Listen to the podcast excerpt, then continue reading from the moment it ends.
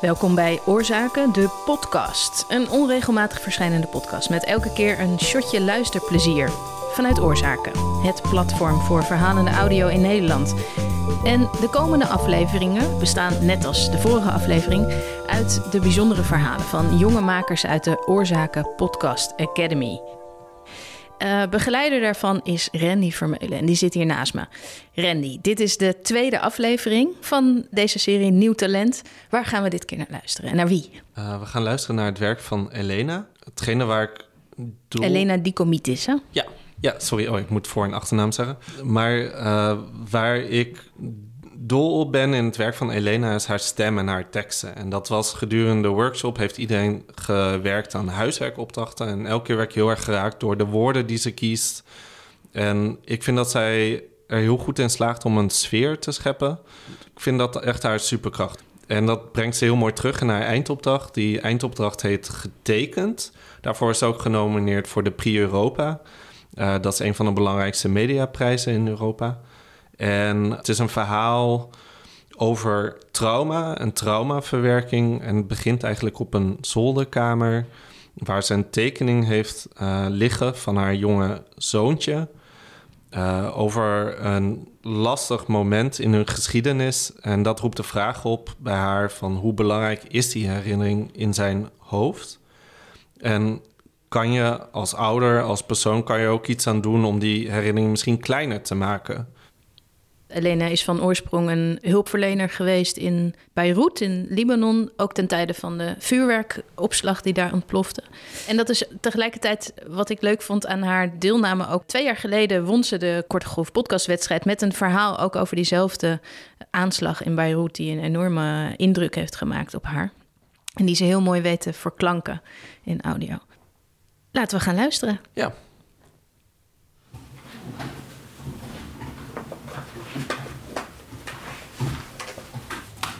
Helemaal van boven in het huis, onder het dak, bewaar ik alle herinneringen. Ga maar. Onder het dak? Ja, we zitten hier vlak onder het dak. Dat is hier in een van deze kastjes. Kijk eens in de kast.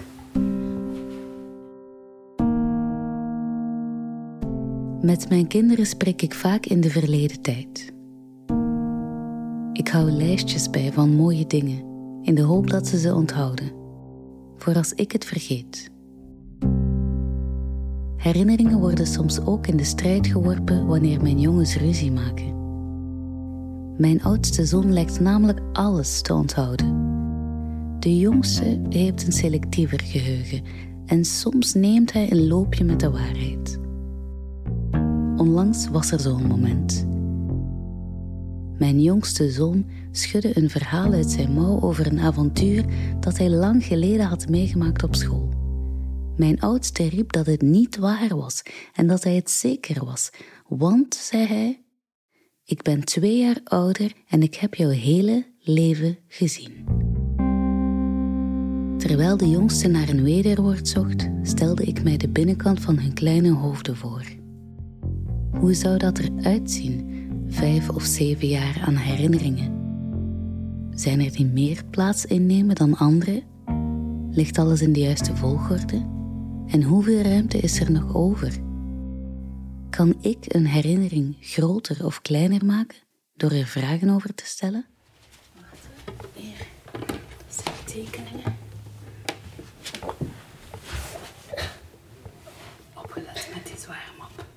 Mijn jongste zoon is spaarzaam met woorden, maar hij tekent veel. Welke vind jij de mooiste? Dat weet ik niet. Kijk, als we ze allemaal openleggen, dan kunnen we zien hoeveel tekeningen je gemaakt hebt.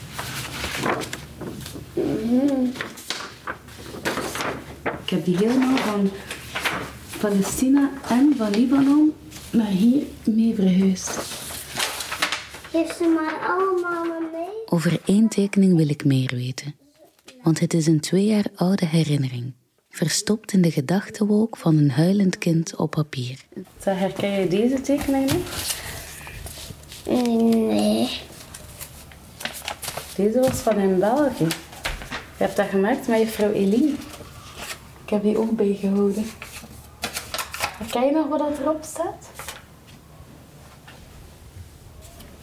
Ik herken het niet meer.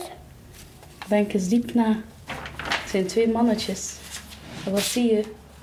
Ma- mama! Nee, ik wil niet. Nee, ik kan het niet zeggen. Ik heb twee ventjes getekend. Een blij ventje en een triest ventje. Nee, laat maar. Laat dat gewoon. Oké. Mag ik niet weten wat dat, dat erop staat? Nee. Het is een blij ventje en Ik een weet het zelf niet. Dus nee.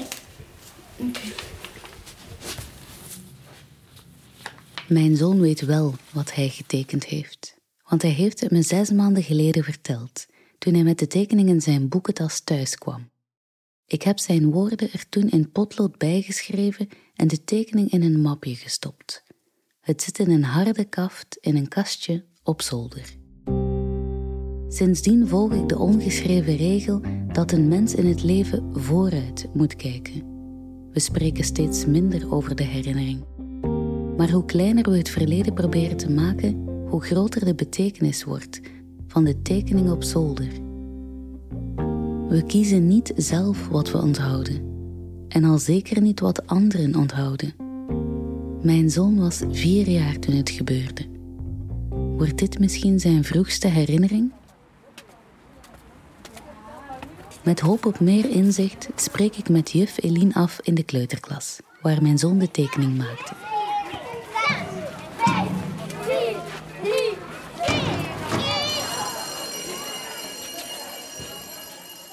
Ga je zelf nog een keer laten kijken?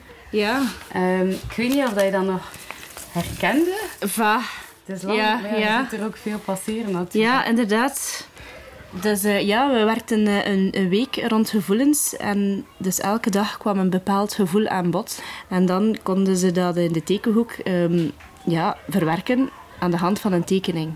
En deze tekening, denk ik dat dat komt van Phineas, van een moment dat hij dat ergens terug herbeleefde van wat hij had meegemaakt in Libanon.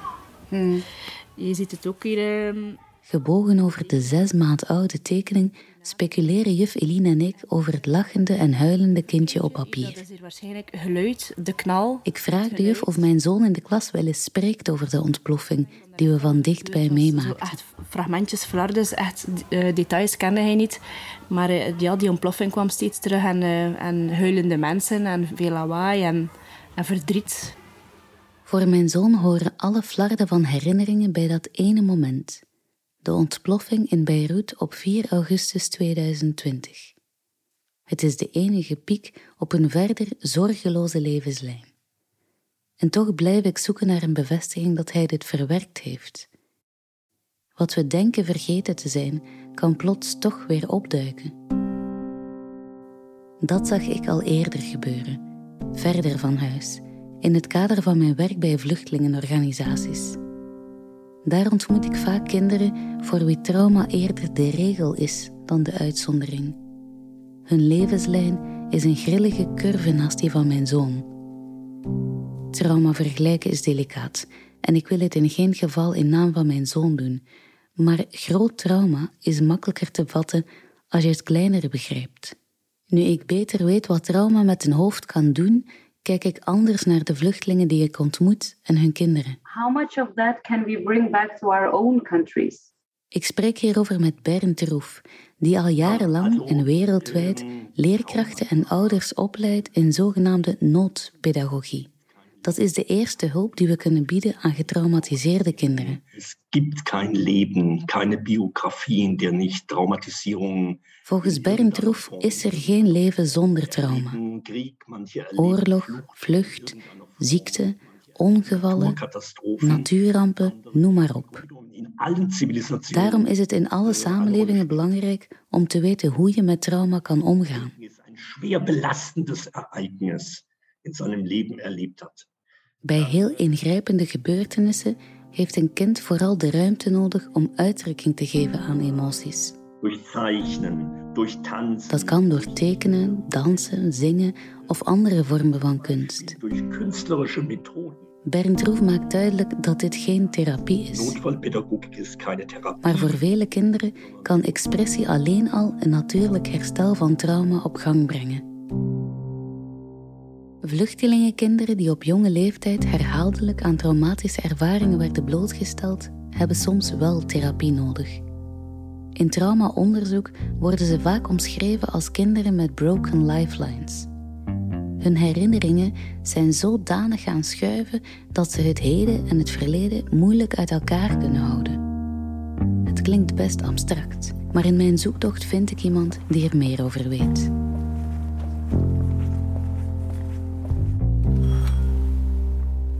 Hoi Marloes. Hallo, Ik zat eventjes bij de buren. Psychologe Marloes de Kok is gespecialiseerd in het behandelen van kinderen met gebroken levenslijnen. De techniek die ze toepast heet KidNet en ze heeft er een koffer voor nodig. En dan gaat dit zo open en dan ehm, nou, begin ik eigenlijk met uitleggen dat er een touw in zit. En dat het touw uh, symbool staat voor iemands leven. Dus dat we een touw met elkaar kunnen neerleggen. En ehm, nou, het begin van het touw is dan eigenlijk de geboorte. En ehm, leggen we het touw tot hoe oud het kind nu is. En er blijft een gedeelte opgerold voor de toekomst. Uh, en dan leg ik uit waar de, waar de verschillende voorwerpen voor staan. En daarbij zijn de stenen staan symbool voor uh, ernstige, traumatische, pijnlijke ervaringen. Um, de bloemen staan symbool voor um, ja, momenten van trots, blije momenten. Mensen die je dierbaar zijn, belangrijke, liefdevolle momenten in je leven. Uh, en dan hebben we ook nog kaarsjes. Terwijl Marloes de stenen en bloemen op het touw legt, denk ik aan archeologen die met beitels en borsteltjes van onder de grond een oude stad terug tot leven brengen. En zo, um, ja, zo begint het met de koffer. Tijdens Kidnet-sessies duikt Marloes samen met een kind in hun woelig verleden. Van bij de geboorte... Uh, beschrijf eens de, de plek van je geboortehuis. Nee. Langs alle bloemen en stenen tot op heden. En zo komen daarna de andere verhalen. Nadat Marloes samen met het kind in vogelvlucht door het leven is gegaan, bekijken ze in elke therapiesessie een steen en één of meerdere bloemen van dichtbij. De eerste keer dat het veranderde was bij een grote bomaanslag, vlak bij mijn school. Nou, en dan zeggen we: oké, okay, kies een steen uit. Welke steen vind jij er goed bij passen? Gaat een kind een beetje zoeken. Daarbij verbinden ze de koude en warme herinneringen die bij éénzelfde gebeurtenis horen. En koude herinneringen zijn waar was het, wanneer was het, eigenlijk de autobiografische herinneringen die iemand kan oprakelen. En de warme herinneringen, de, de hot memories, uh, is het zintuigelijke, de sensaties. Geur, wat je ziet, hoort, wat je voelt in je lijf. En dat uh, gaat meer onvrijwillig. En die sensaties verbinden met de context zorgt ervoor dat het beter geïntegreerd raakt. Wanneer taal tekortschiet om een traumatische herinnering te delen, wordt er getekend. Die grensovergang moeten nemen of iemand die vermoord werd en waar een kind getuige van was. Dus kinderen tekenen dat wat in hun hoofd zit. En soms begint het met één saillant detail. Dus tekent een kind een groot mes. En gaan we van daaruit uitzoomen. Oh, jij hebt dat mes getekend. Kan je je herinneren? Had iemand dat mes vast? Kan je dat erbij halen? En zo uh, krijgt het ook kleur en wordt het in een groter geheel geplaatst, wat zo voor in het hoofd ligt bij een kind. Daarbij Marloes thuis op het tapijt, tussen de stenen, de bloemen en de tekeningen, begin ik het te snappen. Een kind kan naast het touw gaan staan, er naar kijken en ervaren dat iets voorbij is. Achteruit kijken om vooruit te kunnen gaan. Het lijkt me toch niet eenvoudig en al zeker niet voor vluchtelingenkinderen die zich in een compleet nieuw land en een nieuwe school moeten wortelen en dus vooral vooruit moeten kijken. Samen met Marloes ga ik op bezoek bij een moeder die precies weet hoe dat voelt. Tagriet ontvluchtte zeven jaar geleden de oorlog in Syrië met haar twee dochters, die toen twee en vier jaar oud waren. De meisjes volgden in Nederland de kidnetbehandeling om hun traumatisch vluchtverhaal te verwerken. Hallo. Hey. Goedemiddag. Hallo. Goedemiddag. We zijn hierheen gefietst. En eh, het was best sportief voor mij. Ik ging op de herenfiets. Marloes is duidelijk getraind. hey meisjes. Wie zal de chocolade nemen? Mijn bedrijf, ik heb hem het ijs wordt al snel gebroken met taart. Ja, ja. In Engeland. En terwijl ik verontschuldigend toegeef dat ik ondanks vijf jaar in het Midden-Oosten geen Arabisch spreek, komt een vriendin van Tagrit aan die zal tolken voor ons. Eh, Moeilijke taal. Heel moeilijk. Ik ben blij dat je het zegt, want mijn Elk in onze moedertaal snijden we uiteindelijk het gevoelige onderwerp aan. انه آه، بناتي كتير آه، مرقوا بمراحل صعبه جدا وفعلا يعني آه، اثرت عليهم ب- بمراحل Tagriet vertelt dat haar dochters op jonge leeftijd heel veel meegemaakt hebben. Dat heeft hen getekend, al had ze er alles voor gedaan om de tien maand lange vlucht uit Syrië voor te stellen als een وهي avontuur. مغامره وانه هي Een رحله soort ونحن spel. Terwijl ze mij foto's van de vlucht laat zien, denk ik terug aan de koffer van Marloes. Een touw met stenen en bloemen ontrolt zich in mijn hoofd. Ik zie een foto van de meisjes, toen ze nog in Syrië waren. Rustig slapend op een bed met hun knuffels. Eh, uh, eerste maand tussen eh, uh, Syrië eh, en Turkije. Een dorre landschap bezaaid met vuilnis en uitpuilende rugzakken. Opnieuw de meisjes maar deze keer met oranje reddingsvesten aan, wachtend op de wankele rubberboot naar Griekenland. Hun lachende ogen kijken recht in de lens. Drie maanden bij tenten. Omvergewaaide tenten. Netjes opgemaakte veldbedjes met wat speelgoed eronder. Een man met in elke hand een dode slang. Daarna eh, verhuizen naar uh, camping, caravan eh, camping. Een uitgewonden container in het bloedhete Athene. Tagriet toont me telkens voor- en na-foto's. Van elke onleefbare plek onderweg maakte zij een thuis voor haar dochters. Een zoveelste etappe in een tien maand lange avontuur waar achteruitkijken niet mocht. Ik zeg tegen me, geen spel duurt tien maanden.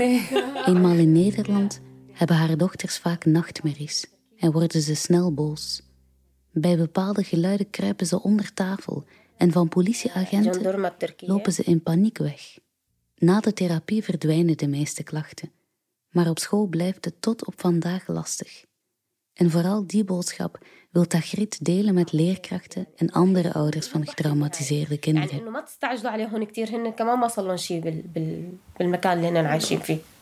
Deze haar dochter zijn niet dom. Dat wil ze graag aan de mensen laten zien of laten vertellen, vooral, vooral aan de leerkrachten. Maar niet echt drukken. Laat maar het kind de tijd nemen om te ontwikkelen of zijn beste kanten te laten zien. Want volgens haar, hoe jong het kind is, maar oké, hij heeft heel veel gezien, meer dan de docent zelf of de leerkracht zelf. Eh, mensen die dood zijn, die geschoten, neergeschoten zijn. En dat wil ze graag eigenlijk aan de docent of leerkrachten laten weten. Of eh, zij wil, dat ze willen echt extra rekening mee houden wat betreft de verleden van het kind. Je als leerkracht bewust zijn van het verleden van het kind. De onzichtbare koffer die velen van hen meedragen. Kinderen de ruimte en tijd geven om hun emoties uit te drukken. Misschien zit het hem vooral in die kleine dingen. Traumasensitief zijn.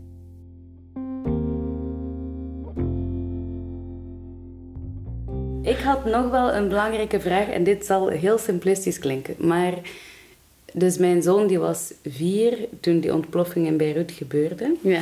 Ik was toen 34. Ja. Is dat traumatisch incident in zijn hoofdje nu even groot als in mijn hoofd? Hij heeft minder jaren op zijn teller staan. Ja. Heeft dus minder herinneringen, minder context om dat in te gaan plaatsen. Ja. Of ben ik dat gewoon helemaal gaan, aan het overanalyseren? Nou, ik zou je het liefst willen vertellen dat het voor hem minder erg was dan voor jou. Maar ik denk dat het omgekeerde waar is. En dat is dus ook een pijnlijke waarheid, omdat ouders eh, heel vaak hopen dat het wel meeviel, want hun kind was toch zo jong. En dan worden ze wel een illusie armer, want kinderen hebben het eh, meegemaakt, maar ze hebben er wat minder de woorden voor en ze kunnen het wat minder goed in de context plaatsen. Maar ze waren er middenin. En de, die tekening is van jouw dochter. Ook Tagriet houdt krampachtig vast aan een tekening van haar dochter die weinig aan de verbeelding overlaat. We zijn het erover eens. Het ouderschap maakt kwetsbaar. Onze kinderen tekenen wat wij willen uitgommen. Achter die uh, grens, mijn hart is kapot.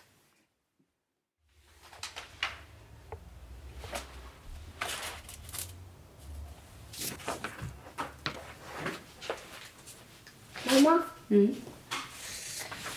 En welke vind ik nu de allermooiste?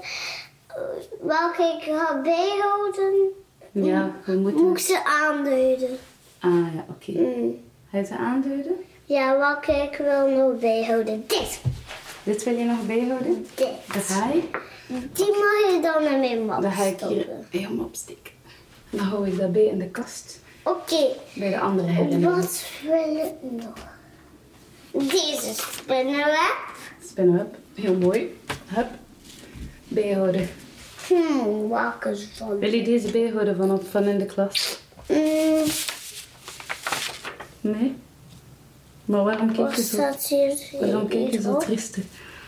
Toen je dit getekend had, toen heb je mij verteld... Dit is een blij mannetje. En hij denkt erover om gitarist te worden. Hij wil graag gitarist worden. En hier staat een triest mannetje. Een mannetje dat het jammer vindt dat er een ontploffing was in die ballon. Wat heb je mij toen verteld? Nee, nee, nee. Dit ik niet bijhouden. Nee? Waarom niet? Daarom. Nee? Ben je niet meer over nadenken? Nee. Weet je nog die ontploffing in die ballon? Ja. Ik wil het niet. Oké. Okay. Die ga ik misschien gewoon... Mag ik die zelf bijhouden bij meespellen? Die gaat helemaal weg in de vlog. Oké. Okay. Oké. Okay. Nee, niet schuren, schat. Ja. Ik zal er nog eens over nadenken. Dit was Getekend. Mijn naam is Elena Dikomitis. Ik maakte deze documentaire in het kader van de Oorzaken Podcast Academy. Een initiatief van Oorzaken en het NPO-fonds. Eindredactie door Randy Vermeulen, mixage door Tijme Bergman en muziek van Blue Dot Sessions. Ik had het verhaal niet kunnen maken zonder Tagriet en Marloes, die voor mij iedereen en alles stilhielden. Ik denk dat we de kat de deur uit moeten zetten. Poezen, eksters, kinderen en... Mannen. Sorry, sorry, sorry. Hun openheid en ervaring hebben voor mij tastbaar gemaakt wat trauma kan doen met het hoofd van een kind en hoe we kinderen kunnen ondersteunen. Bedankt voor het luisteren. Heel erg bedankt. Ja, Mag ik jou een kus geven? Dag. Moet ook aan je man. ja, ik kan weer spreken nu.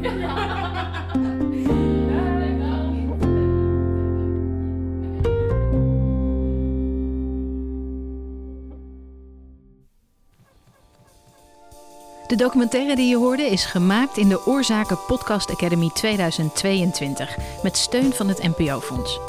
Oorzaken doet nog veel meer leuke dingen, zoals de Korte Golf Podcastwedstrijd en het Oorzaken Internationaal Podcastfestival.